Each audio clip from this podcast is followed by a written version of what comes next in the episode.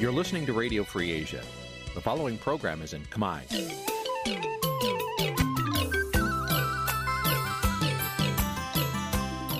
Nǐ chi càm bi tiệp xáy vệt chiu a zì sáy. នេះជាកម្មវិធីផ្សាយរបស់ Vithu Azisari ជាភាសាខ្មែរ វត្តឈូអាស៊ីសេរីសូមស្វាគមន៍លោកអ្នកនាងទាំងអស់ពីរដ្ឋធានី Washington នៃសហរដ្ឋអាមេរិក។ បាទប្រធានាធិបតីវ៉ាស៊ីនតោនខ្ញុំបាទទីនសាការីយ៉ាសូមជម្រាបសួរលោកអ្នកកញ្ញាទាំងអស់ជាទីមេត្រីយើងខ្ញុំសូមជូនកម្មវិធីផ្សាយសម្រាប់ព្រឹកថ្ងៃអង្គារ900ខែមិញឆ្នាំខាលចត្វាស័កពុទ្ធសករាជ2566ត្រូវនៅថ្ងៃទី14ខែកុម្ភៈគ្រិស្តសករាជ2023បាទជាដំបូងនេះសូមអញ្ជើញលោកនាងកញ្ញាស្ដាប់ព័ត៌មានប្រចាំថ្ងៃដែលមានមេត្តាដូចតទៅ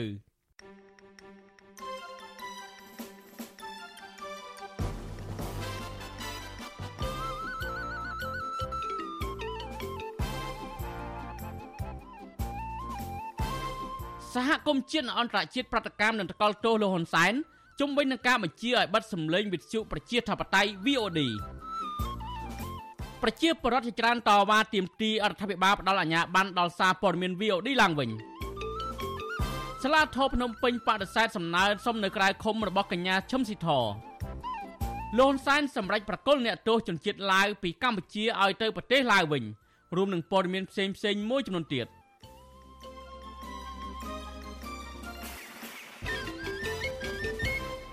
បាទលោកនាយកទីមេត្រីជាបន្តទៅនេះខ្ញុំបាទទីនសាការីយ៉ាសូមជូនព័ត៌មានពិស្ដាបាទលោកនាយកទីមេត្រីការបញ្ជាយ៉ាងតក់ក្រហល់របស់លោកនាយរដ្ឋមន្ត្រីហ៊ុនសែនឲ្យបិទវិទ្យុសំឡេងប្រជាធិបតេយ្យ VOD នៅរយៈពេលមិនដល់ជាង5ខែមុនការបោះឆ្នោតជាតិអាណត្តិទី7នេះគឺរងនឹងការថ្កោលទោសនិងរិះគន់ជំទាស់ពីសហគមន៍ជាតិអន្តរជាតិលើកលែងតែក្រុមបកពួកកុម្មុយនីសតែប៉ុណ្ណោះតើក្រុមអង្គការសិទ្ធិមនុស្សអន្តរជាតិនិងក្រុមប្រទេសនិយមលទ្ធិប្រជាធិបតេយ្យ បញ្ចេញប្រតិកម្មយ៉ាងណាខ្លះជុំវិញនឹងចំណាត់ការរបស់លោកហ៊ុនសែនបិទវិទ្យុសម្លេងប្រជាធិបតេយ្យ VOD នេះបាទសូមលោកនាងរងចាំស្ដាប់សេចក្តីរាយការណ៍នៃពុស្ដានៅក្នុងកម្មវិធីផ្សាយរបស់យើងនាពេលបន្តិចទៀតនេះ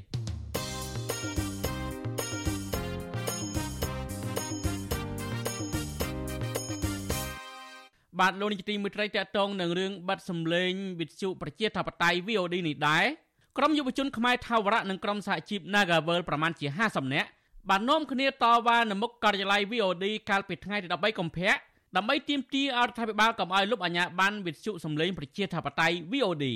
សង្គមស៊ីវិលយល់ឃើញថាការទាមទាររបស់ក្រុមយុវជនគឺជារឿងត្រឹមត្រូវហើយស្នើសុំរដ្ឋាភិបាលស្ដាប់ការលើកឡើងរបស់ពួកគេនិងផ្ដល់អាជ្ញាប័ណ្ណឲ្យសារព័ត៌មាន VOD ឡើងវិញ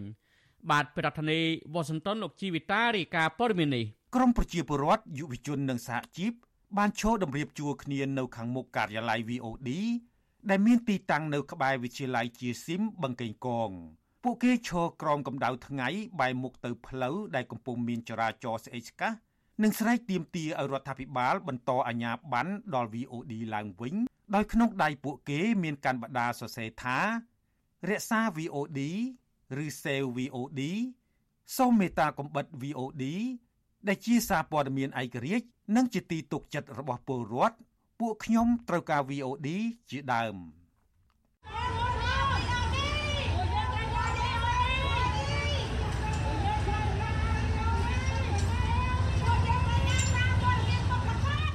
ក្រមប្រជាពលរដ្ឋទាំងនោះលើកឡើងថាវិទ្យុ VOD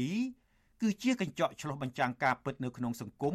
ដូច្នេះរដ្ឋាភិបាលគួរតែផ្ដល់អាជ្ញាប័ណ្ណដល់ VOD ឡើងវិញ យុវជនខ្មែរថាវរៈកញ្ញាសុគន្ធាតុលាប្រាវិទ្យុអាស៊ីសេរីនៅថ្ងៃទី13កុម្ភៈថាកញ្ញាសោកស្ដាយដែលក្រសួងព័ត៌មានលុបអាញាប័ណ្ណសារព័ត៌មាន VOD ដែលជាសារព័ត៌មានឯករាជ្យកញ្ញាបន្តថា VOD តែងតែផ្សព្វផ្សាយនៅព័ត៌មានពិតនិងទាន់ហេតុការណ៍អំពីអំពើអយុត្តិធម៌ការកាប់បំផ្លាញធនធានធម្មជាតិដូចជារឿងភ្នំតាម៉ៅនិងការសាងសង់របងថ្មនៅឆ្នេរអូឈើទាលជាដើម។ ចាជាចុងក្រោយគឺខ្ញុំមានតែការស្នើសុំឲ្យប្រមុខរាជរដ្ឋាភិបាលមេត្តាជួយពិនិត្យហើយនិងជួយពិចារណាឡើងវិញចំពោះការព័ត៌មាន VOD គឺពួកខ្ញុំចង់ឲ្យ VOD វិលត្រឡប់មកធ្វើការដូចពីមុនជាស្ថាប័នដែលផ្សព្វផ្សាយព័ត៌មានដូចពីមុនវិញប្រតិកម្មនេះធ្វើឡើងបន្ទាប់ពីក្រសួងព័ត៌មានបានលុបចោលអាជ្ញាប័ណ្ណសារព័ត៌មាន VOD នៅព្រឹកថ្ងៃទី13កុម្ភៈ ក្រុមហេតុផលថាសារព័ត៌មាននេះបានរំលោភធ្ងន់ធ្ងរលើវិជាជីវៈសារព័ត៌មាននិងធ្វើឲ្យប៉ះពាល់ដល់កិត្តិយសរដ្ឋាភិបាលអ្នកនាំពាក្យសមាគមសិទ្ធិមនុស្សអាត6លោកសង្សានករណាថ្លែងថាវត្តមានរបស់សារព័ត៌មាន VOD បានជួយដល់ប្រជាពលរដ្ឋយ៉ាងច្រើនតាមរយៈការរាយការណ៍ព័ត៌មានពិតនិងទាន់ហេតុការណ៍លោកបន្ថែមថា VOD ជាសារព័ត៌មានឯករាជ្យ ដែលជំរុញឲ្យមានលំហសេរីភាពសារព័ត៌មានក្នុងសង្គមប្រជាធិបតេយ្យ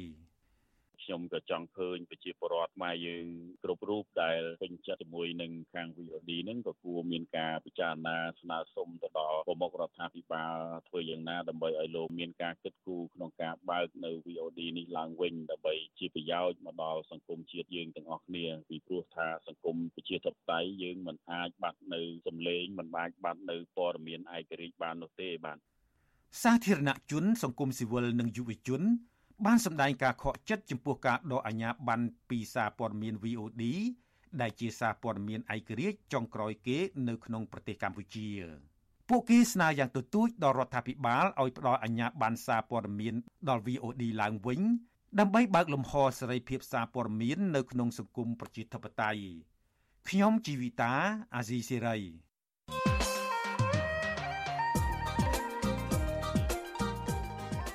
លោកអ្នកនាងជាទីមេត្រីវិទ្យុសំឡេងប្រជាធិបតេយ្យ VOD គឺជាស្ថាប័នព័ត៌មានវិជ្ជាជីវៈមួយដែលបានរួមចំណែកអស់រយៈពេល20ឆ្នាំមកហើយនៅក្នុងការលើកកម្ពស់សេរីភាពសារព័ត៌មាននិងការបញ្ចេញមតិព្រមទាំងជួយជំរុញដល់ដំណើរការប្រជាធិបតេយ្យនៅកម្ពុជា ជាងនេះទៅទៀត VOD ក៏ជាកន្លែងបណ្ដុះបណ្ដាលធនធានមនុស្សផ្នែកសារព័ត៌មាន និងជាវេទិកាសម្រាប់យុវជន នៅក្នុងការបញ្ចេញមតិយោបល់នានាទាក់ទងទៅនឹងបញ្ហាសង្គមផងដែរ។ ក៏ប៉ុន្តែលោកនាយរដ្ឋមន្ត្រីហ៊ុនសែនដែលជាមេដឹកនាំស្អប់មតិរិះគន់ស្ថាបនានោះបានបញ្ជាឲ្យបិទស្ថាប័នព័ត៌មាន VOD ទាំងបំពេញច្បាប់តើយុវជនមានប្រតិកម្មបែបណាចំពោះរឿងនេះចោះចំណែកអ្នកសារព័ត៌មាន VOD វិញតើពួកគាត់មានអារម្មណ៍និងមានការតាំងចិត្តយ៉ាងណា នៅចំពោះមុខការបង្ក្រាបដ៏ទាន់ហន់បែបនេះបាទនេះគឺជាប្រធានបទនៃវេទិកាអ្នកស្ដាប់វិទ្យុអាស៊ីសេរីនៅយប់ថ្ងៃអង្គារទី14កុម្ភៈនេះ។ បាទប្រសិនបើលោកអ្នកនាងមានសំណួរឬមួយក៏ចង់ចូលរួមបញ្ចេញមតិយោបល់សូមលោកអ្នកនាងដាក់លេខទូរស័ព្ទរបស់លោកអ្នកនាងនៅក្នុងខ្ទង់ comment Facebook និង YouTube របស់ Vuthu Azizi Serai នៅពេលកំពុងផ្សាយផ្ទាល់នោះបាទក្រុមការងាររបស់យើងនឹងហៅទៅលោកអ្នកនាងវិញ បាទសូមអរគុណបាទលោកនេះទីមិត្តរីយើងមិនទាន់តាណាឆ្ងាយជំវិញនឹងការបិទវិទ្យុសំឡេងប្រជាធិបតេយ្យ VOD នេះនៅឡើយទេ គឺកាលពីថ្ងៃច័ន្ទម្សិលមិញនេះគណៈបកសង្គ្រោះជាតិឯនេះវិញដែលត្រូវបានរបបលោកហ៊ុនសែនរំលាយចោលដែរនោះក៏បានចេញសេចក្តីថ្លែងការណ៍ថ្កោលទោសយ៉ាងដាច់អហង្ការចំពោះការបង្ខំឲ្យបិទសម្លេងវិទ្យុប្រជាធិបតេយ្យ VOD ទាំងបំពេញគណៈបកប្រឆាំងនេះបានបញ្ជាក់ថាការបិទវិទ្យុសម្លេងឯករាជ្យនេះគឺធ្វើឡើងតាមការចង់បានរបស់លោកហ៊ុនសែនហើយផ្ទុយពីរដ្ឋធម្មនុញ្ញរបស់កម្ពុជាថែមទៀតផងដំណើរការនៃការបិទវិទ្យុសម្លេងប្រជាធិបតេយ្យ VOD លើសពីការគ្រប់គ្រងអភិបាលកិច្ចនៅកម្ពុជានឹងមិនមានភាពត្រឹមត្រូវឬត្រួតពិនិត្យដោយឯករាជ្យនោះទេអ្វីដែលត្រូវបានធ្វើឡើងនោះគឺទៅតាមការទៀមទារបស់លោកហ៊ុនសែនចង់បានតែប៉ុណ្ណោះដោយដំបូងលោកហ៊ុនសែនទៀមទាឲ្យមានការសំទោសក្រោយមកក៏បញ្ជាឲ្យដកអាជ្ញាប័ណ្ណតែម្ដងគណៈបកសង្គ្រោះជាតិបន្តថាការបិទស្ថាប័នប្រព័ន្ធផ្សព្វផ្សាយនៅក្នុងចំណោមស្ថាប័នផ្សព្វផ្សាយឯករាជ្យចុងក្រោយនៅកម្ពុជានេះ មានន័យថាជារួមប្រព័ន្ធផ្សព្វផ្សាយទាំងអស់គ្រប់ទម្រង់ នៅក្នុងប្រទេសកម្ពុជាត្រូវបានគ្រប់គ្រងទាំងស្រុងដោយរដ្ឋាភិបាលហើយការបិទវិទ្យុសំឡេងឯករាជ្យចុងក្រោយនេះគឺធ្វើឡើងក្នុងបរិបទនៃការបន្តចាប់ឃុំឃាំងសកម្មជននិងអ្នកគាំទ្រគណបកប្រឆាំងដាក់ពន្ធនាគារដោយមិនត្រឹមត្រូវនិងធ្វើទាំងបំពេញនិងបំផិតបំភ័យជាប្រចាំដល់អ្នកដែលនៅតែហ៊ានប្រឆាំង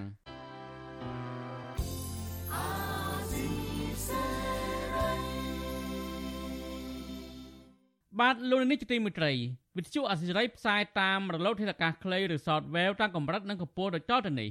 ពេលព្រឹកចាប់ពីម៉ោង5កន្លះដល់ម៉ោង6កន្លះតាមរយៈរលកធាតុអាកាសខ្លី9390 kHz ស្មើនឹងកម្ពស់ 32m និង11850 kHz ស្មើនឹងកម្ពស់ 25m ពេលយប់ចាប់ពីម៉ោង7កន្លះដល់ម៉ោង8កន្លះតាមរយៈរលកធាតុអាកាសខ្លី9390 kHz ស្មើនឹងកម្ពស់ 32m និង11885 kHz ស្មើនឹងកម្ពស់ 20m បាទសូមអរគុណ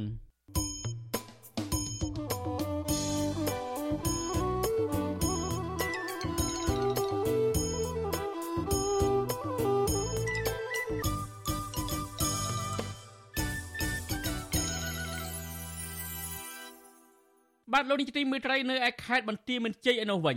ស្មាតកិច្ចខេត្តបន្ទាយមានជ័យ បានឃាត់ខ្លួនចាងវាងកាសែតខ្មែរជាយដែនម្នាក់កាលពីព្រឹកថ្ងៃទី13កុម្ភៈក្រោយពីមានបណ្ដឹងពីមន្ត្រីរាជការពីររូបមន្ត្រីសង្គមស៊ីវិលព្រួយបារម្ភការធ្វើទុកបុកម្នេញលើអ្នកកាសែតជាបន្តបន្ទាប់ពីរដ្ឋាភិបាលលហ៊ុនសែនក្រោយពីបិទវិទ្យុសម្លេងប្រជាធិបតេយ្យ VOD បាទលោកនៅវណ្ណរិនរាយការណ៍ព័ត៌មាននេះមន្ត្រីសង្គមស៊ីវិលព្រួយបារម្ភពីការគៀបសង្កត់សិទ្ធិសេរីភាពអ្នកសារព័ត៌មានតាមរយៈការគម្រាមកំហែងតាមប្រព័ន្ធតុលាការជាបន្តបន្ទាប់ការលើកឡើងនេះ ក្រោយពីសមត្ថកិច្ចខេត្តបន្ទាយមានជ័យបានធ្វើការឃាត់ខ្លួនចាងវាងសារព័ត៌មានអនឡាញខ្មែរជាយដែនម្នាក់គឺលោកអ៊ុងថាប់វ៉ាំងបញ្ជូនទៅតុលាការនៅថ្ងៃទី13កុម្ភៈនេះពីបទបរហាគេជាសាធារណៈនិងញុះញង់ឲ្យមានការរើសអើងផ្អែកតាមបណ្ដឹងរបស់ប្រធានមន្ទីរពេទ្យបង្អែកក្រុងប៉ោយប៉ែតលោកអោកទីណា និងមន្ត្រីពន្ធដារក្រុងប៉ោយប៉ែតគឺលោកសឿងសីហា ពាក់ព័ន្ធនឹងអំពើពុករលួយ របស់មន្ត្រីរាជការទាំងនោះចាំងវាងសារព័ត៌មានខ្មែរជាយដែនលោកអ៊ុងថាប់វាំងបានថ្លែងមុនពេលចាប់ខ្លួនថាចំណាត់ការបណ្ដឹងនេះហាក់លឿនបន្តិចធ្វើឲ្យលោកត្រៀមខ្លួនមិនទាន់ក្នុងការពឹងពាក់មេធាវី និងដាក់ពាក្យស្នើសុំកិច្ចអន្តរាគមន៍ទៅក្លឹបអ្នកកសែតកម្ពុជា លោកថាដើមមិនដឹងក្នុងសំណុំរឿងនេះមុននឹងប្តឹងទៅតុលាការគួរតែស្នើឲ្យលោកកែតម្រូវព័ត៌មានឬផ្សាយឡើងវិញជាមុនសិនខណៈដែលព័ត៌មានរបស់លោកបានផ្សព្វផ្សាយមានប្រភពច្បាស់លាស់លោកបញ្ជាក់ថាលោកបានសរសេរលិខិតស្នើសុំកិច្ចអន្តរាគមន៍ទៅក្លឹបអ្នកកសែតកម្ពុជារួចហើយ ដោយសារមន្ត្រីទាំងអស់នោះគាត់អត់បានសិក្សាពីផ្លូវច្បាប់នៃរបបសារព័ត៌មានទេលោកនឹកឃើញអីទោះអីលោកចាប់ផ្ដើមប្តឹង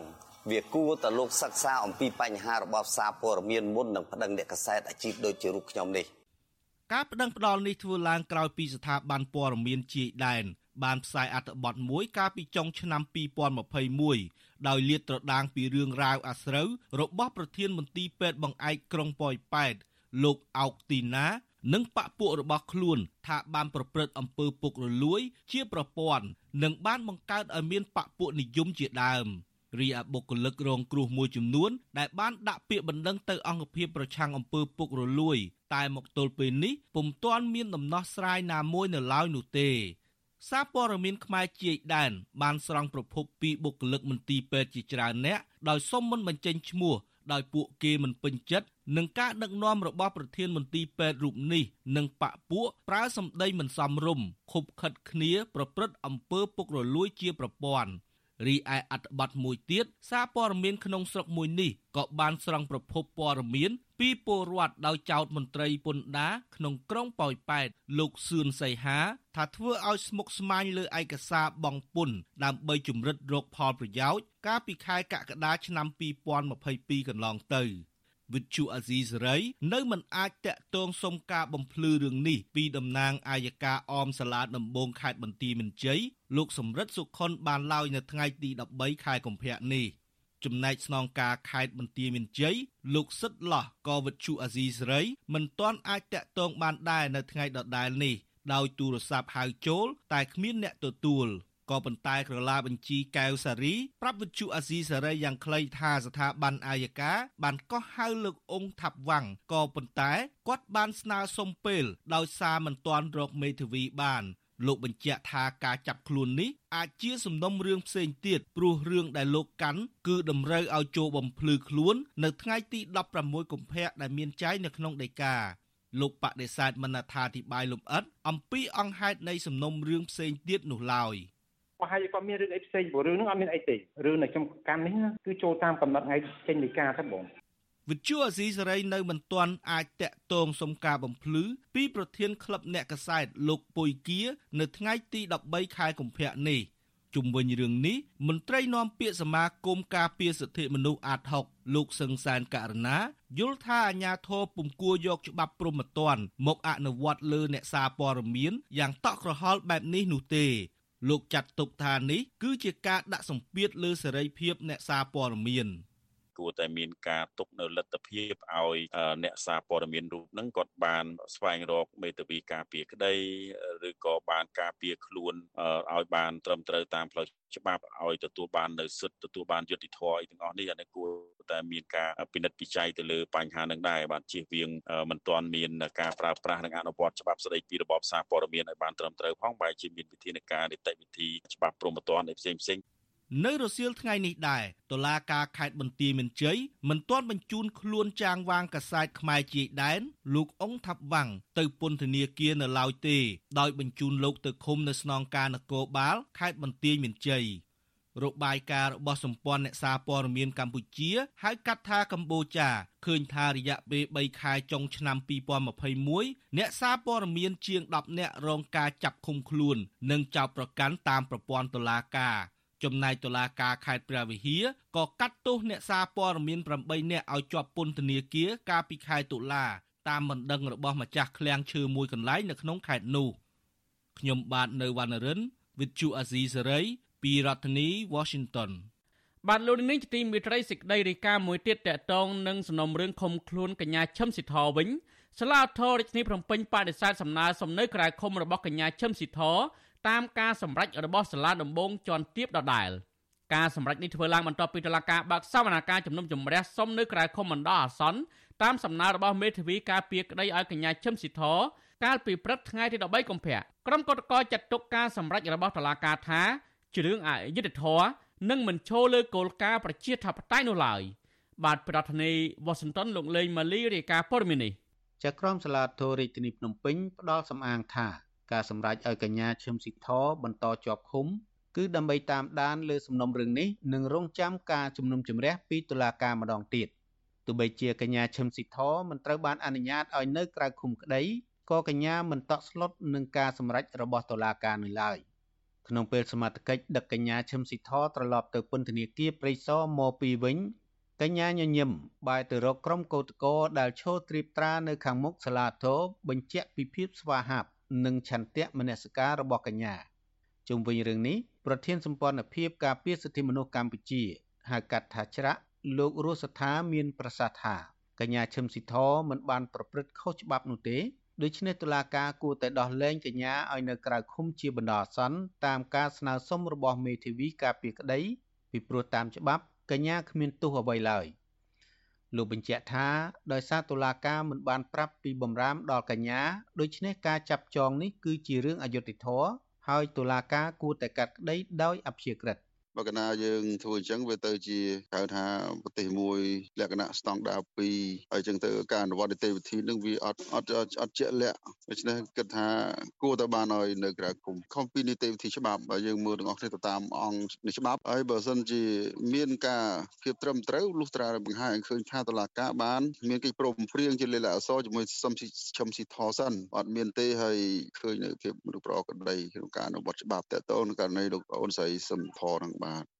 សវនាការនៅព្រឹកថ្ងៃទី13កុម្ភៈគឺខុសពីរាល់ដងដោយសារមានការបដូរទីតាំងពីមហាវិថីសុធិរសសង្កាត់ជ័យជំនះខណ្ឌដូនពេញមកផ្លូវលោកតាក្រហមកភូមិព្រែកលៀបសង្កាត់ព្រែកលៀបខណ្ឌជ្រោយចង្វាក្បែរអគារសាលាយុតិធធវិញ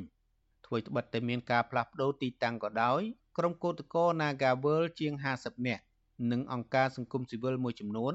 នៅឃ្លាំមើលពីក្រៅរបង និងស្រែកផ្ដល់កម្លាំងចិត្តឲ្យកញ្ញាឈឹមស៊ីធដែរ។ តំណាងគឧតកម្នាក់គឺលោកស្រីរីសវណ្ណឌីថ្លែងថាលោកស្រីសោកស្ដាយដែលតុលាការមិនអោយកញ្ញាឈឹមស៊ីធនៅក្រៅឃុំលោកស្រីបន្តថាការសម្រេចបែបនេះមិនយុត្តិធម៌សម្រាប់កញ្ញាឡើយពីព្រោះតុលាការមិនបានប្រាប់ពីបំរាមដែលហាមឃាត់នោះទេ សូមឲ្យសាធារណជនទាំងអស់ជួយតាមដានពីព្រោះឥឡូវនេះវានៅវានៅក្នុងករណីវានៅអត់ទាន់អត់ទាន់ច្បាស់លាស់ថាគេកាត់ក្តីយើងមិនទេប៉ុន្តែបើសិនជាមានការចូលរួមពីមហាជនផ្សេងច្រើនអញ្ចឹងការឈឺឆ្អាលទាំងអស់ហ្នឹងវាធ្វើឲ្យការកាត់ក្តីហ្នឹងក៏អាចជួយឲ្យមានភាពយុត្តិធម៌ជាងរាល់ថ្ងៃហ្នឹងដែរកញ្ញាឈឹមស៊ីធនិងសមាជិកសហជីពផ្សេងទៀតត្រូវបានដោះលែងឲ្យនៅក្រៅឃុំកាលពីខែមីនាឆ្នាំ2022 ប៉ុន្តែសមាជិកសហជីពអះអាងថាពួកគាត់មិនបានទទួលការជូនដំណឹងនិងដីកាដាក់ឲ្យស្ថិតនៅក្រោមការត្រួតពិនិត្យតាមផ្លូវតុលាការឡើយ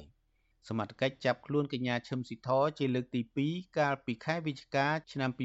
2022បញ្ជូនទៅពន្ធនាគារព្រៃសរវិញក្រោយពីកញ្ញាវិលត្រឡប់មកពីការចូលរួមកិច្ចប្រជុំនៅប្រទេសអូស្ត្រាលីក្រោមបទចោទល្មើសបំរាមពីការត្រួតពិនិត្យរបស់តុលាការ ប៉ុន្តែមេធាវីនិងកញ្ញាឈឹមស៊ីធអះអាងថាខ្លួនមិនបានដឹងអំពីបំរាមរបស់តុលាការឡើយចំណែកឯកោតក្រប្រមាណ10នាក់ទៀតកំពុងជាប់បណ្ដឹងនៅតុលាការជាបន្តបន្ទាប់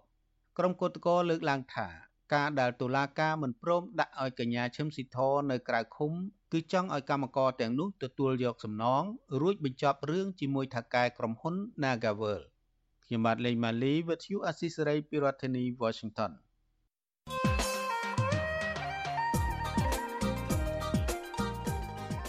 លោកអ្នកនាងជាទីមេត្រីវិទ្យុសំឡេងប្រជាធិបតេយ្យ VOD គឺជាស្ថាប័នព័ត៌មានវិជ្ជាជីវៈមួយដែលបានរួមចំណែកអស់រយៈពេល20ឆ្នាំមកហើយ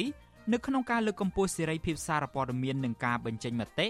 ព្រមទាំងជួយជំរុញដល់ដំណើរការប្រជាធិបតេយ្យនៅកម្ពុជា ជាងនេះទៅទៀត VOD ក៏ជាកន្លែងបណ្ដុះបណ្ដាលធនធានមនុស្សផ្នែកសារព័ត៌មាន និងជាវេទិកាសម្រាប់យុវជន នៅក្នុងការបញ្ចេញមតិយោបល់នានាទាក់ទងទៅនឹងបញ្ហាសង្គមផងដែរ ក៏ប៉ុន្តែលោកនាយរដ្ឋមន្ត្រីហ៊ុនសែនដែលជាមេដឹកនាំស្អប់មតិរិះគន់ស្ថាបនានោះបានបញ្ជាឲ្យបិទស្ថាប័នព័ត៌មាន VOD ទាំងបំពេញច្បាប់តើយុវជនមានប្រតិកម្មបែបណាចំពោះរឿងនេះចោះចំណែកអ្នកសារព័ត៌មាន VOD វិញតើពួកគាត់មានអារម្មណ៍និងមានការតាំងចិត្តយ៉ាងណា នៅចំពោះមុខការបង្ក្រាបដ៏ទាន់ហន់បែបនេះបាទនេះគឺជាប្រធានបទនៃវេទិកាអ្នកស្ដាប់វិទ្យុអាស៊ីសេរីនៅយប់ថ្ងៃអង្គារទី14កុម្ភៈនេះ បាទប្រសិនបើលោកអ្នកនាងមានសំណួរឬមួយក៏ចង់ចូលរួមបញ្ចេញមតិយោបល់សូមលោកអ្នកនាងដាក់លេខទូរស័ព្ទរបស់លោកអ្នកនាងនៅក្នុងខ្ទង់ comment Facebook និង YouTube របស់ Vuthu Azizi Serai នៅពេលកំពុងផ្សាយផ្ទាល់នោះបាទក្រុមការងាររបស់យើងនឹងហៅទៅលោកអ្នកនាងវិញ បាទសូមអរគុណបាទលោកនីតិមេត្រីតេតងនឹងដំណើរទស្សនកិច្ចរបស់លោកហ៊ុនសែនទៅប្រទេសឡាវវិញ លោកនាយរដ្ឋមន្ត្រីហ៊ុនសែនកាលពីថ្ងៃទី13កុម្ភៈបានធ្វើទស្សនកិច្ចនៅប្រទេសឡាវដើម្បីពង្រីកនៅកិច្ចសហប្រតិបត្តិការទ្វេភាគីលើគ្រប់វិស័យរួមទាំងសន្តិសុខនយោបាយសង្គមនិងសេដ្ឋកិច្ចជាដើមអ្នកខ្លំមើលនយោបាយលើកឡើងថាកម្ពុជាគួរតែឆ្លៀតឱកាសនេះពង្រីកវិស័យសេដ្ឋកិច្ចឲ្យបានល្អរវាងប្រទេសទាំងពីរលោកនាយរដ្ឋមន្ត្រីហ៊ុនសែនប្រកាសសម្រេចប្រកុលអ្នកទោសជនជាតិឡាវដែលកំពុងតែជាប់ពន្ធនាគារនៅកម្ពុជាឲ្យទៅប្រទេសឡាវវិញនៅមុនពេលបន់ជុលឆ្នាំខ្មែរមកដល់។ លន់សានបានចេញសេចក្តីសម្រេចនេះនៅក្នុងសិនសិទ្ធកសែតរួមគ្នាមួយជាមួយនាយករដ្ឋមន្ត្រីឡាវលោកសុនសៃស៊ីផាន់ដនកាលពីល្ងាចថ្ងៃទី13កុម្ភៈទន្ទឹមនឹងគ្នានឹងការសម្រេចពីអ្នកទោសជនជាតិឡាវលន់សានក៏សម្រេចប្រកុលអ្នកទោសជនជាតិថៃឲ្យទៅព្រះរាជាណាចក្រថៃវិញដែរនៅមុនពេលបន់ជុលឆ្នាំខ្មែរនៅពេលខាងមុខសារព័ត៌មានដែលស្និទ្ធនឹងលោកនាយករដ្ឋមន្ត្រីហ៊ុនសែនបានដកស្រង់របាយការណ៍ចំនួនអ្នកទោសពីអគ្គនាយកដ្ឋានពន្ធនាគារលោកនុតសាវណ្ណាឲ្យដឹងថា អ្នកទោសជនជាតិឡាវកំពុងជាប់ពន្ធនាគារនៅកម្ពុជាមានចំនួន75នាក់ហើយអ្នកទោសជនជាតិថៃមានចំនួន109នាក់អ្នកទាំងនោះជាប់ពីបទល្មើសតាក់ទងនឹងគ្រឿងញៀនការសម្លាប់មនុស្សរំលោភសេពសន្តិវៈនិងបទល្មើសផ្សេងផ្សេងមួយចំនួនទៀតក្រៅពីលោកហ៊ុនសែនព្រមព្រៀងគ្នាប្រគល់អ្នកទោសឡាវឲ្យទៅឃុំខ្លួននៅឯប្រទេសឡាវវិញនេះរីឯក្រុមអ្នកវិភាគអ្នកច្បាប់វិញលើកឡើងពីទំនាក់ទំនងរវាងកម្ពុជានិងឡាវថាអស់រយៈពេលជាច្រើនឆ្នាំមកនេះ កម្ពុជាតែងតែព្យាយាមពង្រឹងកិច្ចសហប្រតិបត្តិការជាមួយនឹងប្រទេសកុម្មុយនីសដូចជាប្រទេសចិនវៀតណាមនិងឡាវជាដើមខណៈដែលប្រទេសចិនកំពុងតែពង្រឹងអំណាចស្ទើរតែទាំងស្រុងផ្នែកសេដ្ឋកិច្ចនៅក្នុងតំបន់អាស៊ីជាពិសេសគឺប្រទេសក្រីក្រដូចជាកម្ពុជាជាដើមនាយកប្រតិបត្តិអង្គការអភិវឌ្ឍផ្នែកគំនិតបណ្ឌិតសេកសុជាតិប្រាប់វិទ្យុអាស៊ីសេរីនៅថ្ងៃទី13កុម្ភៈថាដំណើរទស្សនកិច្ចរបស់លោកហ៊ុនសែនក្នុងការពង្រឹងកិច្ចសហប្រតិបត្តិការទ្វេភាគីលើផ្នែកនយោបាយឬសេដ្ឋកិច្ចគឺជារឿងល្អ ប៉ុន្តែលោកមើលឃើញថាដំណើរទស្សនកិច្ចនេះពុំមានលទ្ធផលអ្វីល្អប្រសើរនោះឡើយលោកថាកម្ពុជាគួរតែឆ្លៀតឱកាសនេះពង្រីកផ្នែកវិស័យសេដ្ឋកិច្ចតាមរយៈការនាំចេញផលិតផលកម្ពុជាឲ្យបានច្រើន។ ដំណើរទស្សនកិច្ចលើកនេះគឺគ្រាន់តែទៅធ្វើនៅក្នុងកម្រិតមិត្តភាពនៅក្នុងនាមជាប្រទេសជិតខាងផងហើយជាប្រទេសដែលគិតថាអាចមានតំណែងតំណងល្អជាមួយគ្នាក្នុងរយៈពេលប្រហែលឆ្នាំចុងក្រោយនេះជាងឃើញមានមើលលក្ខណៈពិសេសតែកម្ពុជាអាចឈ្មោះទៅកាន់ប្រទេសធំធំទៀតបានដែរឬយ៉ាងណាបើសិនជាកម្ពុជាធ្វើការវិនិយោគនៅក្នុងប្រទេសឡាយបានសម្រេចមានន័យថាអាចបន្តទៅកាន់ប្រទេសមួយចំនួនផ្សេងទៀតបាននៅក្នុងតំបន់ការលើកឡើងនេះនៅក្នុងអំឡុងពេលលោកហ៊ុនសែនកំពុងតែធ្វើដំណើរទស្សនកិច្ចនៅប្រទេសឡាវរយៈពេល2ថ្ងៃពីថ្ងៃទី13ដល់ថ្ងៃទី14កុម្ភៈហើយពេលនេះលោកមានវត្តមាននៅទីក្រុងវៀងច័ន្ទប្រទេសឡាវក្នុងដំណើរទស្សនកិច្ចពង្រឹងកិច្ចសហប្រតិបត្តិការទ្វេភាគីហើយនៅក្នុងដំណើរទស្សនកិច្ចនេះលោកហ៊ុនសែនបានចុះហត្ថលេខាលើការបោះបង្គោលព្រំដែនកម្ពុជាឡាវរួមទាំងកិច្ចសហប្រតិបត្តិការជំវិញការហោះហើរ លើវិស័យទេសចរនិងធម្មពលអគិសនីផងដែរវិទ្យុអាស៊ីសេរីមិនអាចតាក់ទងអ្នកនាំពាក្យក្រសួងការបរទេសលោកអានសុខឿនដើម្បីសុំសួរបន្ថែមជំវិញនឹងដំណើរទស្សនកិច្ចរបស់លោកហ៊ុនសែននៅប្រទេសឡាវនៅថ្ងៃទី13កុម្ភៈនេះបានឡើយទេទោះជាយ៉ាងណាអ្នកសិក្សាផ្នែកច្បាប់លោកបូនច័ន្ទលូតមើលឃើញជាវិជ្ជមានថាប្រសិនបើប្រទេសទាំងពីរជជែកគ្នាជំវិញនឹងរឿងបោះបង្គោលព្រំដែនឲ្យបានត្រឹមត្រូវជារឿងល្អ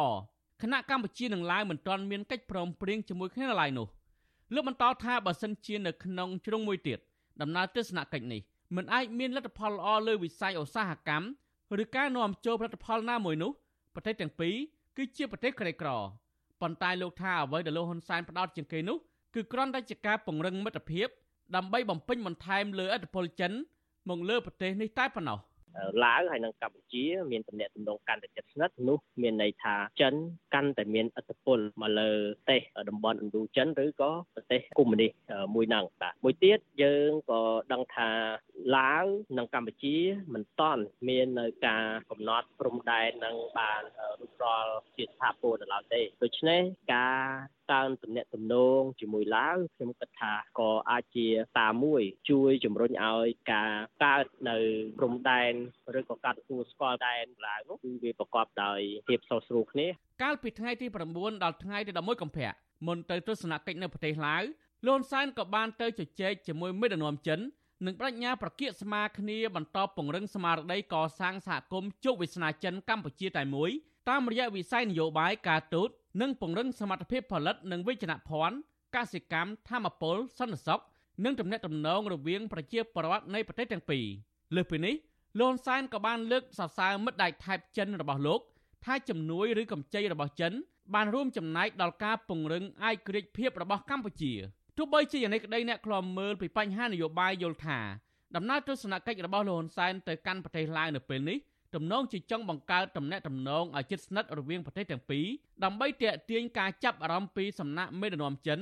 ដោយសារតែថ្មីថ្មីនេះលោកស៊ីជីនពីងបានផ្ដល់ជំនួយឥតសំណងដល់រដ្ឋាភិបាលលោកហ៊ុនសែន300លានយួនឬស្មើនឹងប្រមាណ45លានដុល្លារអាមេរិកលើគម្រោងផ្លូវដែកនិងការគ្រប់គ្រងការដឹកនាំរបស់លោកហ៊ុនសែន។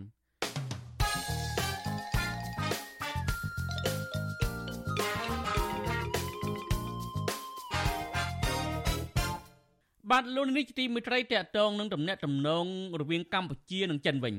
អ្នកខ្លោមើលសង្គមនិងអ្នកវិភាគនយោបាយព្រួយបារម្ភជាថ្មីទៀតអំពីបំណងពង្រីកអធិបតេយ្យយោធានៃប្រទេសកុម្មុយនីសចិនមកលើទឹកដីកម្ពុជា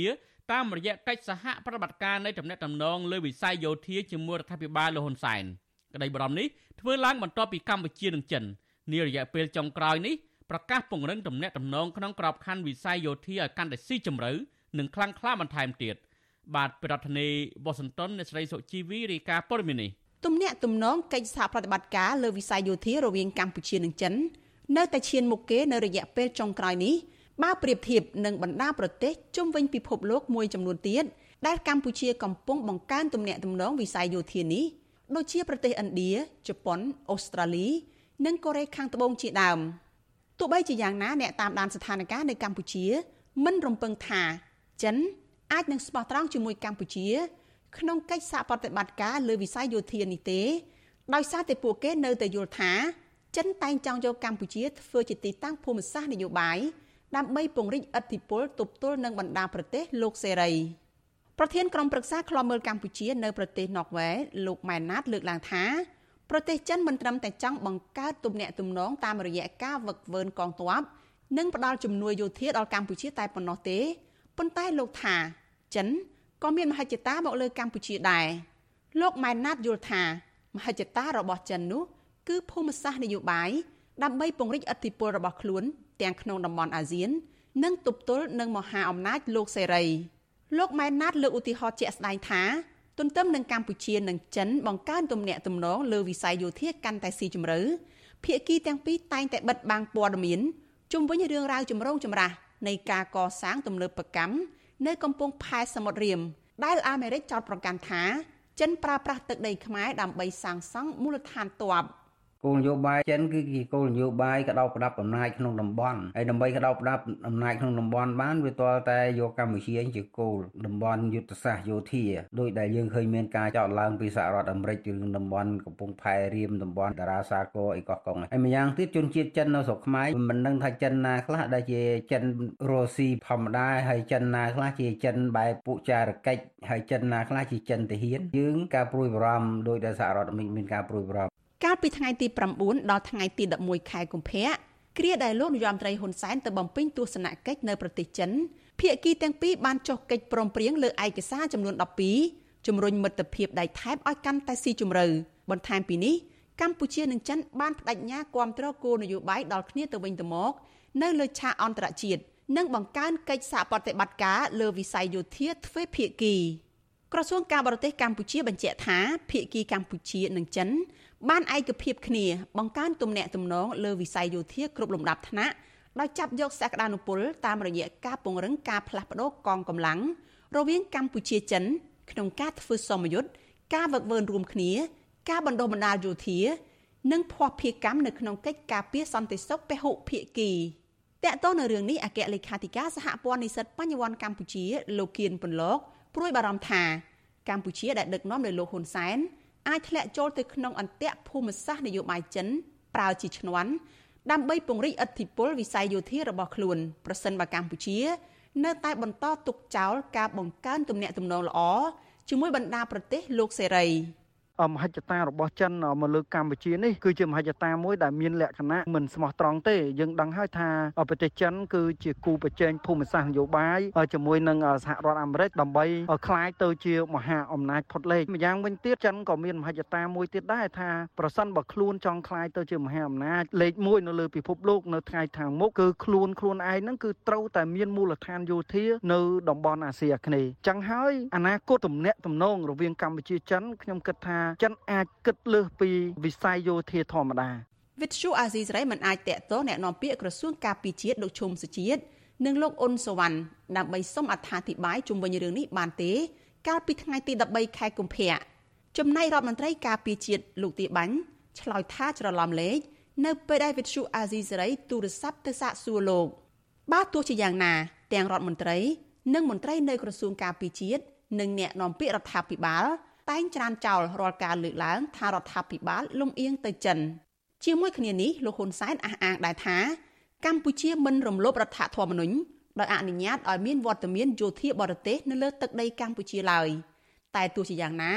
លោកក៏តែងអះអាងជាញឹកញយដែរថាបើមិនពឹងចិនតើឲ្យលោកទៅពឹងនរណាក្នុងនោះរាប់បញ្ចូលទាំងការទប់ស្កាត់ការឆ្លងរាលដាលជំងឺ Covid-19 វិស័យសេដ្ឋកិច្ចពាណិជ្ជកម្មនយោបាយនិងវិស័យយោធានេះ។ កន្លងទៅរដ្ឋាភិបាលលោកហ៊ុនសែនរងការចោទប្រកាន់ថាបានលួចចុះកិច្ចព្រមព្រៀងសម្ងាត់ជាមួយប្រទេសចិនកុម្មុយនីសតាក់ទងនឹងផែនការមូលដ្ឋានទ័ពចិននៅកំពង់ផែកងទ័ពជើងទឹករៀមសារព័ត៌មានល្បីឈ្មោះរបស់សហរដ្ឋអាមេរិក The Wall Street Journal បានរាយការណ៍កាលពីខែកក្កដាឆ្នាំ2019ថា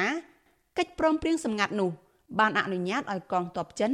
គ្រប់គ្រងកំពង់ផែកងទ័ពជើងទឹករៀមផ្ដាច់មុខរហូតដល់ទៅ30ឆ្នាំ ហើយកិច្ចព្រមព្រៀងនោះអាចបន្តនៅរៀងរាល់10ឆ្នាំម្ដងម្យ៉ាងវិញទៀតកម្ពុជាក្រោមការគ្រប់គ្រងរបស់លោកហ៊ុនសែនបានរៀបចំសមយុទ្ធយោធាជាមួយកងទ័ពចិនចំនួន4លើករួចមកហើយរាប់ចាប់តាំងពីឆ្នាំ2016មកប៉ុន្តែបានលុបចោលដោយឯកតោភាគី សមយុទ្ធយោធារួមគ្នាឆ្មាំអង្គរជាមួយសហរដ្ឋអាមេរិកនិងដនគោព្រៃជាមួយប្រទេសអូស្ត្រាលីកាលពីឆ្នាំ2017 ជុំវិញរឿងនេះដែរអ្នកជំនាញផ្នែកវិទ្យាសាស្ត្រនយោបាយនិងកិច្ចការអន្តរជាតិលោកអែមសវណ្ណារាមានប្រសាសន៍ថា កម្ពុជា គួរបង្កើនទំនាក់ទំនងល្អព្រមទាំងបង្កើតឲ្យមានសមយុទ្ធយោធាជាមួយបណ្ដាប្រទេសលោកសេរី ជាពិសេសសហរដ្ឋអាមេរិកស្របពេលដែលកម្ពុជា មានទំនាក់ទំនងល្អនៅក្នុងផ្នែកយោធាជាមួយចិន អ្នកជំនាញរូបនេះលើកឡើងបន្ថែមទៀតថាប្រសិនបើកម្ពុជាចាប់យកចិនតែមួយខាង ក្នុងកិច្ចសហប្រតិបត្តិការយោធា ការធ្វើសមយុទ្ធនោះកម្ពុជានឹងត្រូវអន្តរជាតិវាយតម្លៃថាកម្ពុជាលំអៀងទៅរកចិននិងពុំបានរក្សាជំហរនយោបាយអព្យាក្រឹតរបស់ខ្លួននាងខ្ញុំសុជីវី With Shu Azizi Serai ពីរដ្ឋធានី Washington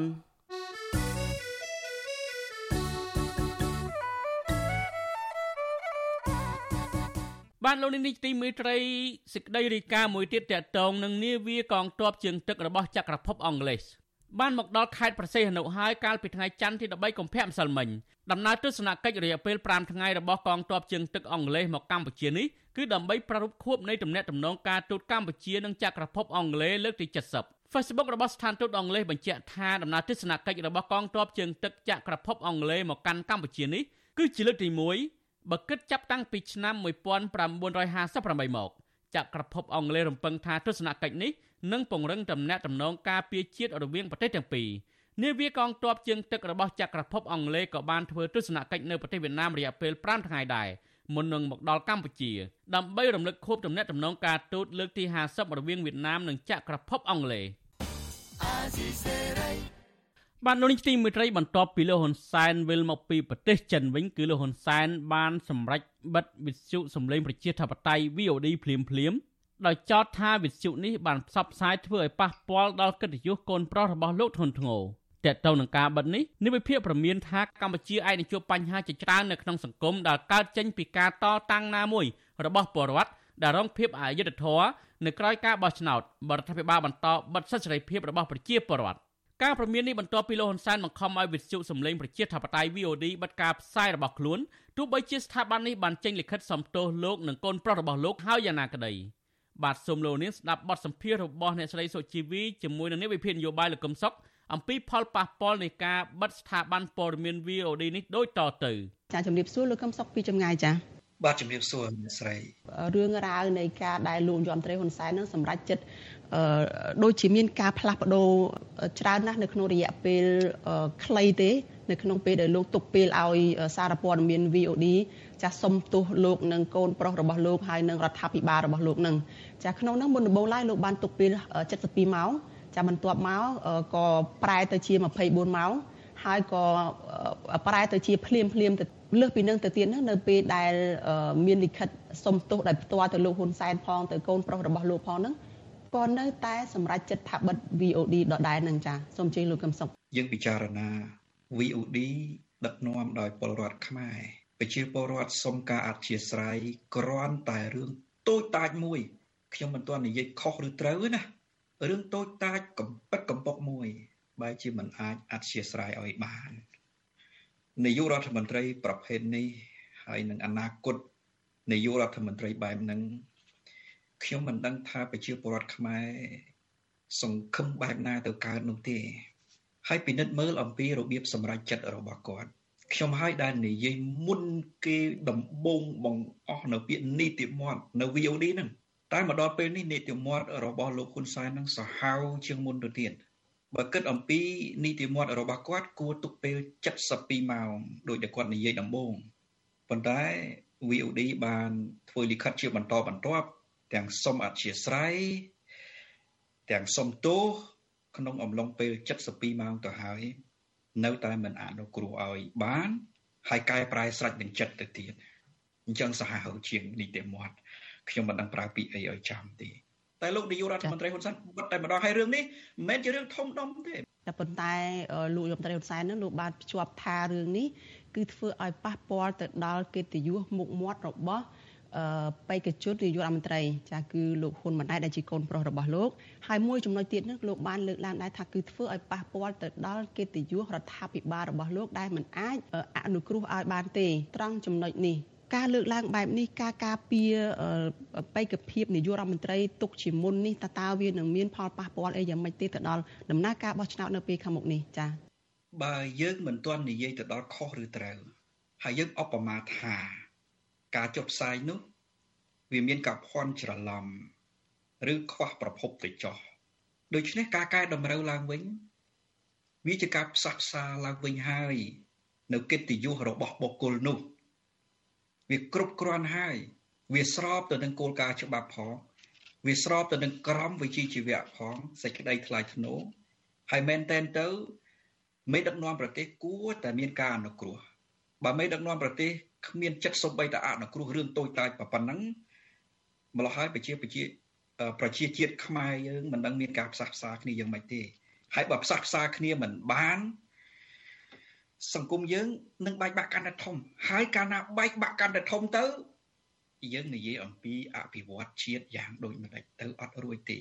ហើយកាលណាលោកនាយករដ្ឋមន្ត្រីហ៊ុនសែនប្រឹងការពារកូនប្រុសរបស់គាត់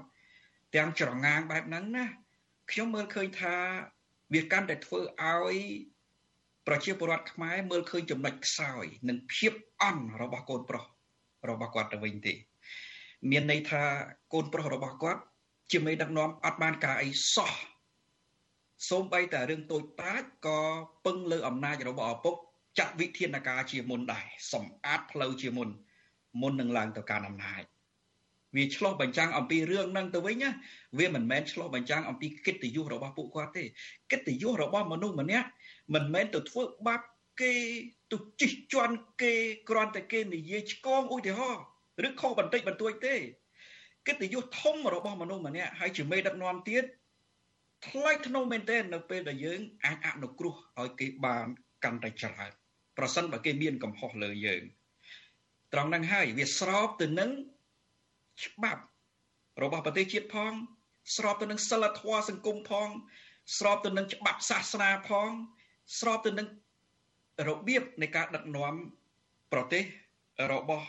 ប្រជាជាតិនានានៅលើពិភពលោកដែលប្រកាន់យកលទ្ធិប្រជាធិបតេយ្យផងហើយបើកាលណាលោកហ៊ុនសែនចេះតែការពារកូនប្រុសរបស់គាត់ដោយមិនផ្អែកទៅលើហេតុផលដែលអាចផ្សះផ្សាជាតិបានហើយយករឿងតូចតាចទៅចងទៅជាគំនុំ ធ្វើបាបគេបាបឯងបែបនេះ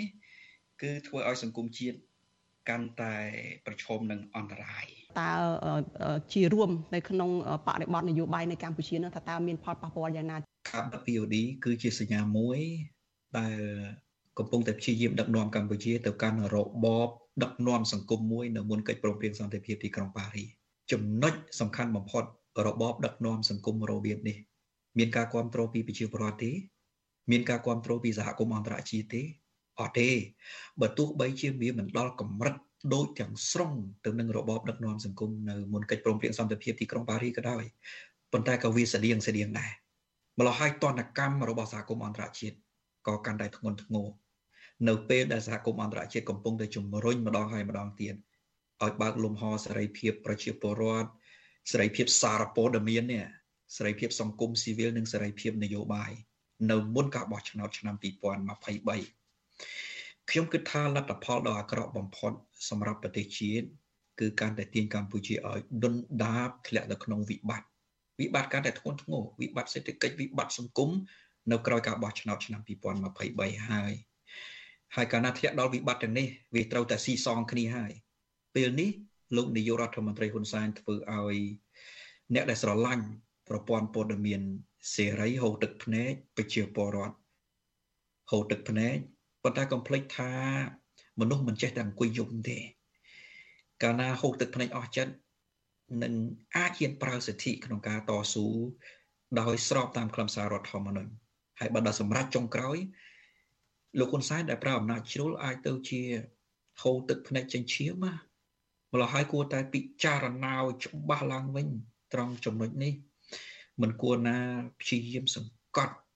ប្រជាពលរដ្ឋសង្កត់ប្រទេសជាតិដោយបំបត្តិនៅសិទ្ធិសេរីភាពសារព័ត៌មានហើយនិងសិទ្ធិរបស់ប្រជាពលរដ្ឋទេអរគុណច្រើនលោកកឹមសុខចាស់ជម្រាបលាត្រឹមប៉ុណ្ណេះចាបាទលោកនេះទៅបានស្ដាប់បទសភារវាងអ្នកស្រីសុជីវីជាមួយលោកកឹមសុខនៃវិភាគនយោបាយដែលប្រមានថាកម្ពុជាអាចជួបបញ្ហាជាច្រើននៅក្នុងសង្គមដែលកើតចេញពីការតតាំងរបស់ប្រជាពលរដ្ឋនៅក្រៅការបោះឆ្នោត បើសិនជារដ្ឋាភិបាលនៅតែបន្តបិទសិទ្ធិសេរីភាពរបស់ប្រជាពលរដ្ឋ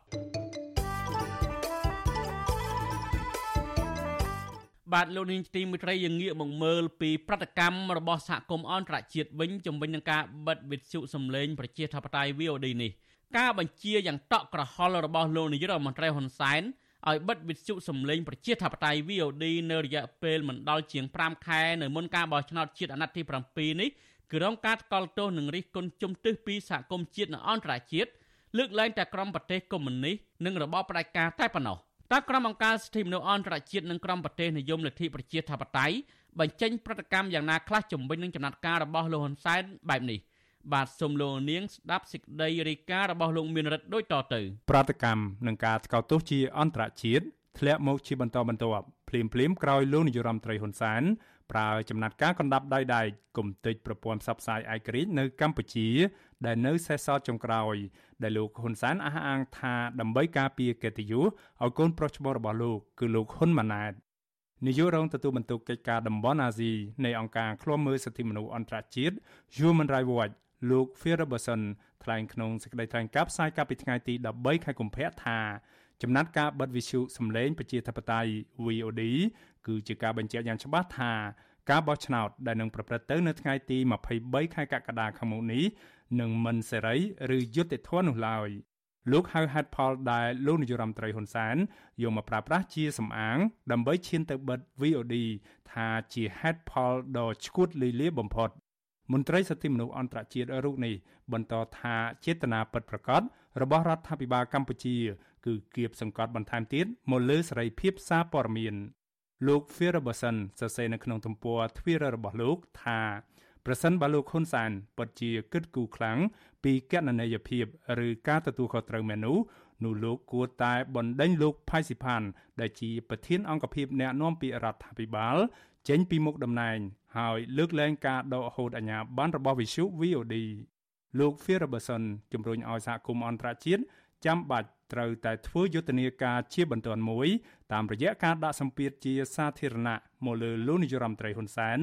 និងរដ្ឋាភិបាលរបស់លោកឲ្យងាកមកគោរពសិទ្ធិមនុស្សនិងធានាថាការផ្ដល់ជំនួយនឹងការធ្វើពាណិជ្ជកម្មជាមួយកម្ពុជាធ្វើឡើងដោយផ្អែកលើការគោរពសិទ្ធិមនុស្សជាចម្បង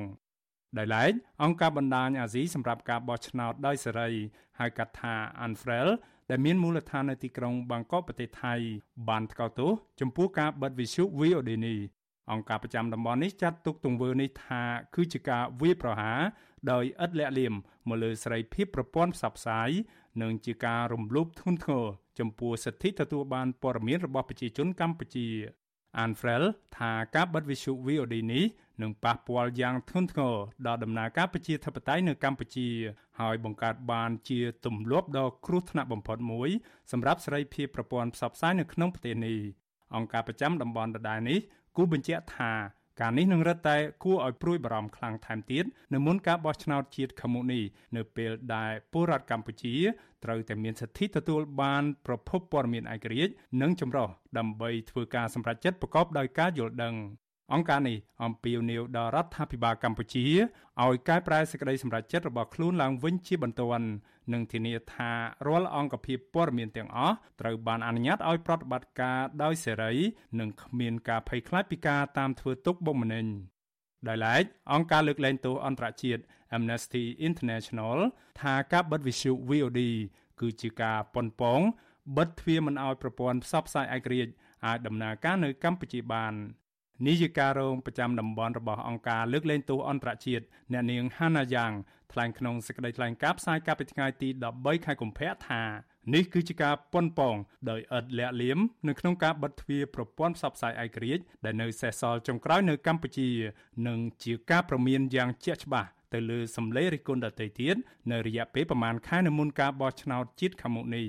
នាយិការរងប្រចាំតំបន់នៃអង្គការអន្តរជាតិមួយនេះជំរុញទៅលោកនាយរដ្ឋមន្ត្រីហ៊ុនសែនឲ្យដកចេញវិញជាបន្ទាន់នៅបទបញ្ជា ដែលមានលក្ខណៈធ្ងន់ធ្ងរនិងមិនសមាមាត្រយ៉ាងដូចនេះក្រៅពីក្រុមអង្គការអន្តរជាតិទាំងនេះស្ថានទូតនៃក្រមប្រទេសលោកខាងលិចក៏បានបញ្ចេញប្រតិកម្មជាបន្តបន្ទាប់ជុំវិញចំណាត់ការរបស់រដ្ឋាភិបាលកម្ពុជា ក្នុងការបិទវិទ្យុ VOD នាពេលនេះដែរ ស្ថានទូតសហរដ្ឋអាមេរិកប្រចាំកម្ពុជាអំពាវនាវឲ្យអាជ្ញាធរកម្ពុជាពិនិត្យមើលឡើងវិញនូវការសម្រេចចិត្តបែបនេះស្ថានទូតថាសហរដ្ឋអាមេរិកមានការរំខានចិត្តជាខ្លាំងចំពោះហេតុការណ៍នេះស្ថានទូតសង្កត់ធ្ងន់ថា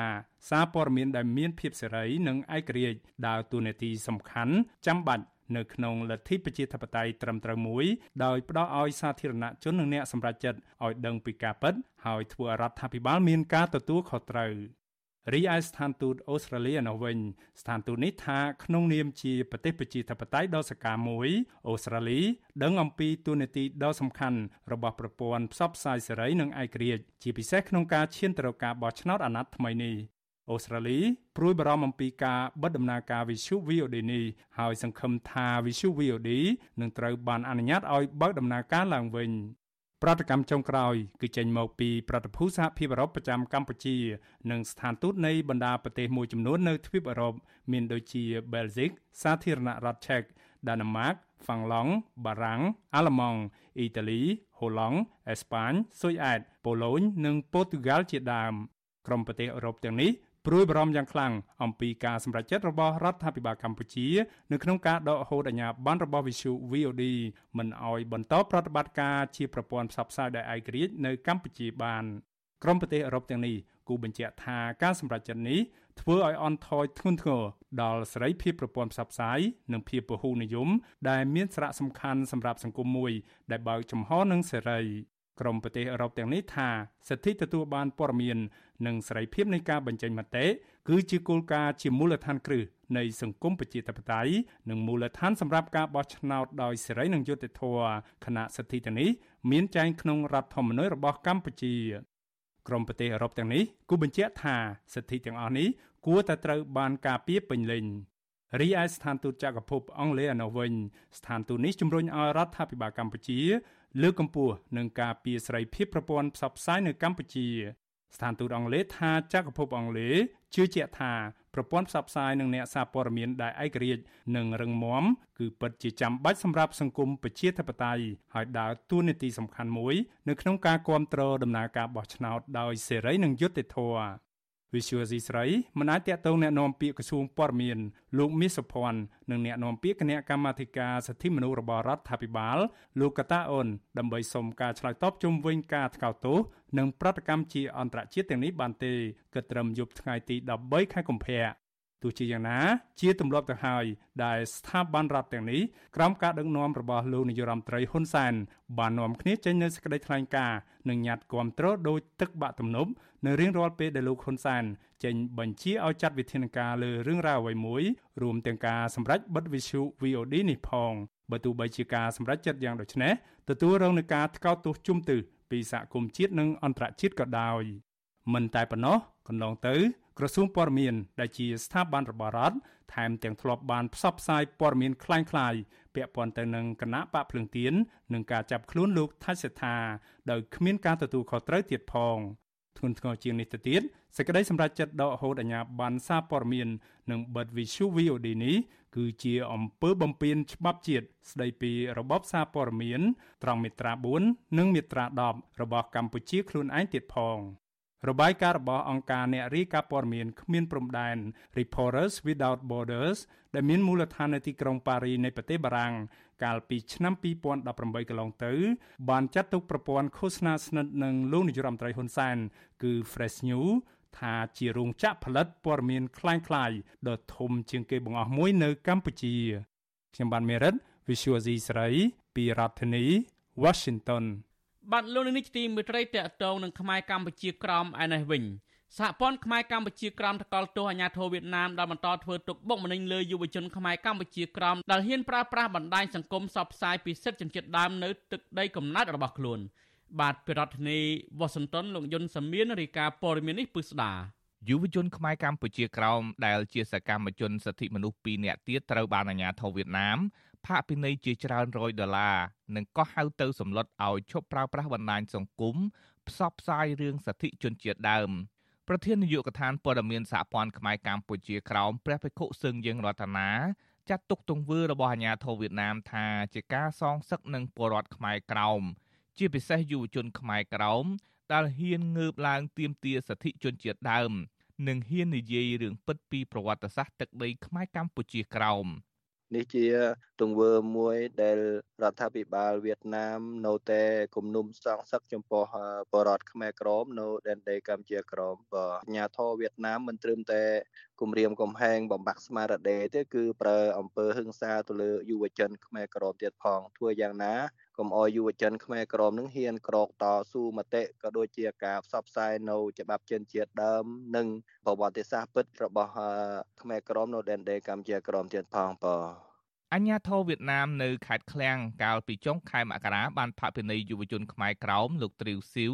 ចំនួន7លានកន្លះដុងឬប្រមាណជាង300ដុល្លារអាញាធរវៀតណាមចោទប្រកាន់យុវជនទ្រីវស៊ីវពីបទកេងចំណេញ លើសិទ្ធិសេរីភាពនិងបំពានលើផលប្រយោជន៍របស់រដ្ឋការផាកពិន័យនេះធ្វើឡើងបន្ទាប់ពីអាញាធរវៀតណាមហៅយុវជនទ្រីវស៊ីវទៅគម្រាមកំហែងចំនួន3លើករួចមកហើយដោយហាមមិនឲ្យបង្ហោះព័ត៌មានតាក់ទងទៅនឹងប្រវត្តិសាស្ត្រទឹកដីខ្មែរកម្ពុជាក្រោមនិងសិភៅឯកសារស្ដីពីសិទ្ធិជនជាតិដើមរបស់អង្គការសហប្រជាជាតិនៅលើបណ្ដាញសង្គម Facebook កាលពីថ្ងៃទី10មករាពេលឃុំខ្លួននិងសួរចម្លើយយុវជនទ្រីវស៊ីវ អាញាធរវៀតណាមបានប្រើប្រាស់អំពើហិង្សាវាយដំទៅលើយុវជននេះឲ្យរងរបួសធ្ងន់មុននឹងដោះលែងករណីដាច់ដោយឡែកមួយទៀតអាញាធរវៀតណាមនៅខេត្តឃ្លៀងកាលពីថ្ងៃទី7កុម្ភៈក៏បានកោះហៅយុវជនយ៉ាញ់មិញខ្វាង ជាសកម្មជនខ្មែរក្រោមទៅសាកសួរអស់រយៈពេលជាច្រើនម៉ោងទើបអនុញ្ញាតឲ្យទៅផ្ទះវិញអាញាធរវៀតណាមបានសាកសួរនិងគម្រាមកំហែងយុវជនយ៉ាញ់មិញខ្វាងចំនួន10លើករួចមកហើយ អាញាធរវៀតណាមចោទប្រកាន់យុវជនរូបនេះរឿងផ្សព្វផ្សាយឯកសារច្បាប់អន្តរជាតិស្ដីពីសិទ្ធិជនជាតិដើមរបស់អង្គការសហប្រជាជាតិហើយប្រមានមិនអោយយុវជនខ្មែរក្រោមនេះពាក់អាវយឺតដែលមានរូបសញ្ញាទង់ជាតិនិងដែនដីកម្ពុជាក្រោមតទៅទៀតការប្រើប្រាស់អំពើហិង្សានិងផាកពិន័យយុវជនខ្មែរក្រោមនេះធ្វើឡើងក្រោយពេលដែលវៀតណាមបានក្លាយជាសមាជិកក្រុមប្រឹក្សាសិទ្ធិមនុស្សអង្គការសហប្រជាជាតិសម្រាប់អាណត្តិ3ឆ្នាំ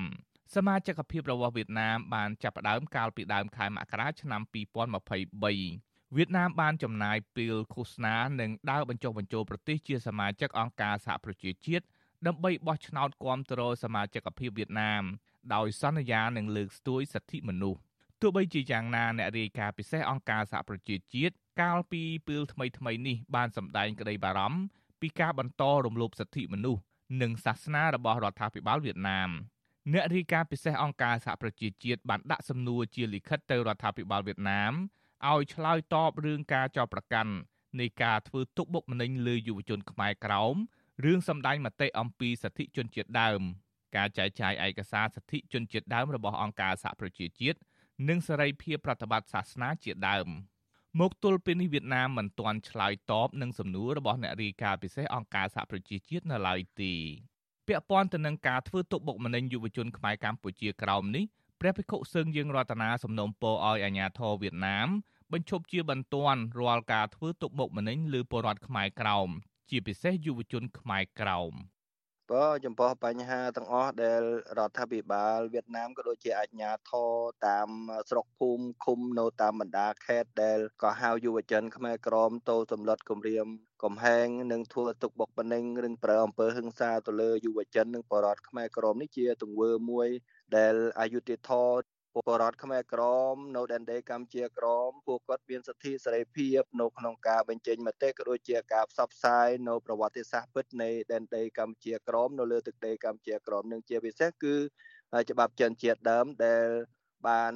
គ្រប់គ្រងពីអង្គការសហប្រជាជាតិនឹងជាងទៅរដ្ឋាភិបាលវៀតណាមនឹងត្រូវតែបញ្ឈប់ជាបន្ទាន់រាល់ទង្វើដែលអាជ្ញាធរវៀតណាមធ្វើកន្លងមកចំពោះយុវជន ខ្មែរក្រមក៏ដូចជាបរតខ្មែរក្រមនៅដែនដីកម្ពុជាក្រមប៉របាយការណ៍សិទ្ធិមនុស្សរបស់អង្គការសិទ្ធិមនុស្សអន្តរជាតិនិងក្រសួងការបរទេសអាមេរិកបន្តរកឃើញថារដ្ឋាភិបាលវៀតណាមបន្តរំលោភសិទ្ធិមនុស្សធ្ងន់ធ្ងរកាលពីឆ្នាំ2022កន្លងទៅ